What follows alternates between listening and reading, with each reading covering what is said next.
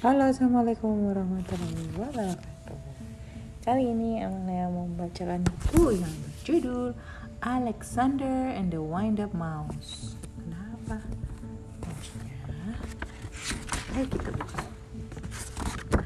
Oh, by Leo Leon. Help, help, a mouse! There was a scream, then a crash. Cups, saucers, and spoon were flying in all directions. Alexander ran for his hole as fast as his little legs would carry him. Ah, oh, dia nabrak. Dia nabrak kelas-kelas.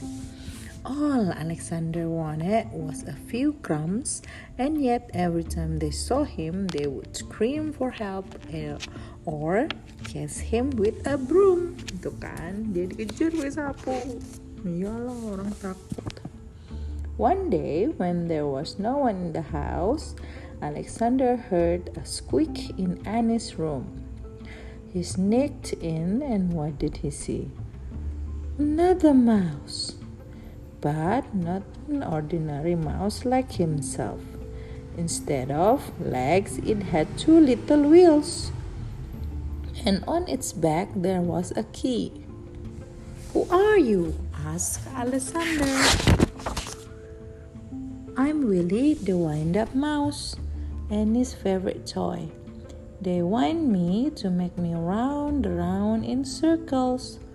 They cuddle me, and at night I sleep on a soft white pillow between the doll and a woolly teddy bear. Everyone loves me. They don't care much for me, said Alexander sadly. But he was happy to find a friend. Let's go to the kitchen and look for crumbs, he said. Oh, I can't, said Willie. I can only move when they want me, but I don't mind. Everybody loves me. Alexander too came to love Willie. He went to visit him wherever he could. He told him of his he told him of his adventures with broom, flying saucers, and mouse traps.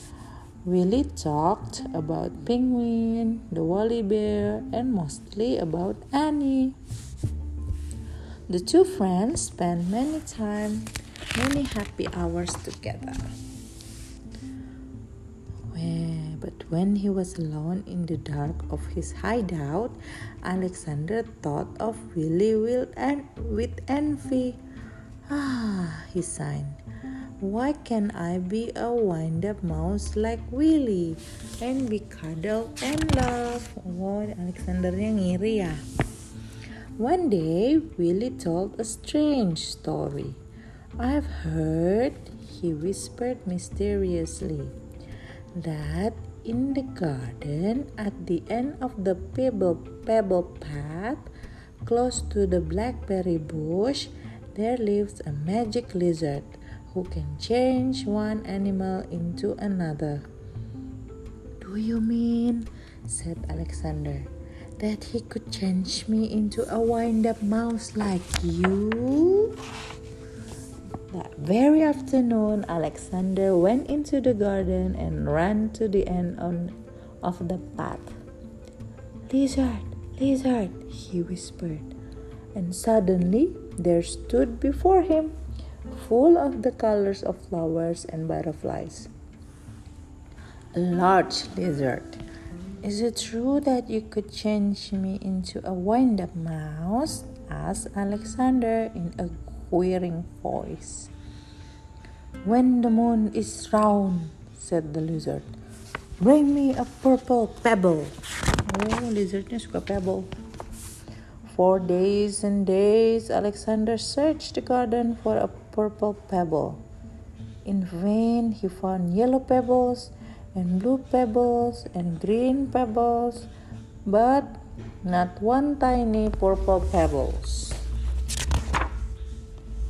At last, tired and hungry, he returned to the house. In a corner of the pantry, he saw a box full of old toys, and there, between blocks and broken dolls, was Willie. What happened? said Alexander, surprised. Willie took him, told him a sad story. It had been Annie's birthday. There had been a party, and everyone had brought a gift. The next day, Willie signed. Many of the old toys were dumped in this box. We will all be thrown away. Alexander was almost in tears. Poor, poor Willie, he thought. But then suddenly something caught his eye. Could it really be? Yes, it was. It was a little purple pebble. All excited, he ran to the garden. The precious pebble tied in his arms. There was a full moon. Out of breath, Alexander stopped near the blackberry bush. Lizard, lizard in the bush, he called quickly. The leaf rustled, and there stood the lizard. The moon is round. The pebble found, said the lizard. Who or what do you wish to be? I want to be. Alexander stopped. Then suddenly he said, Lizard, lizard, could you change Willie into a mouse like me? The lizard blinked. There was a blinding light, and then all was quiet. The purple pebble was gone. Alexander ran back to the house as fast as he could. The box was there, but alas, it was empty. Too late, he thought, and with a heavy heart, he went to his hole in the baseboard. Something squeaked. Cautiously, Alexander moved closer to the hole.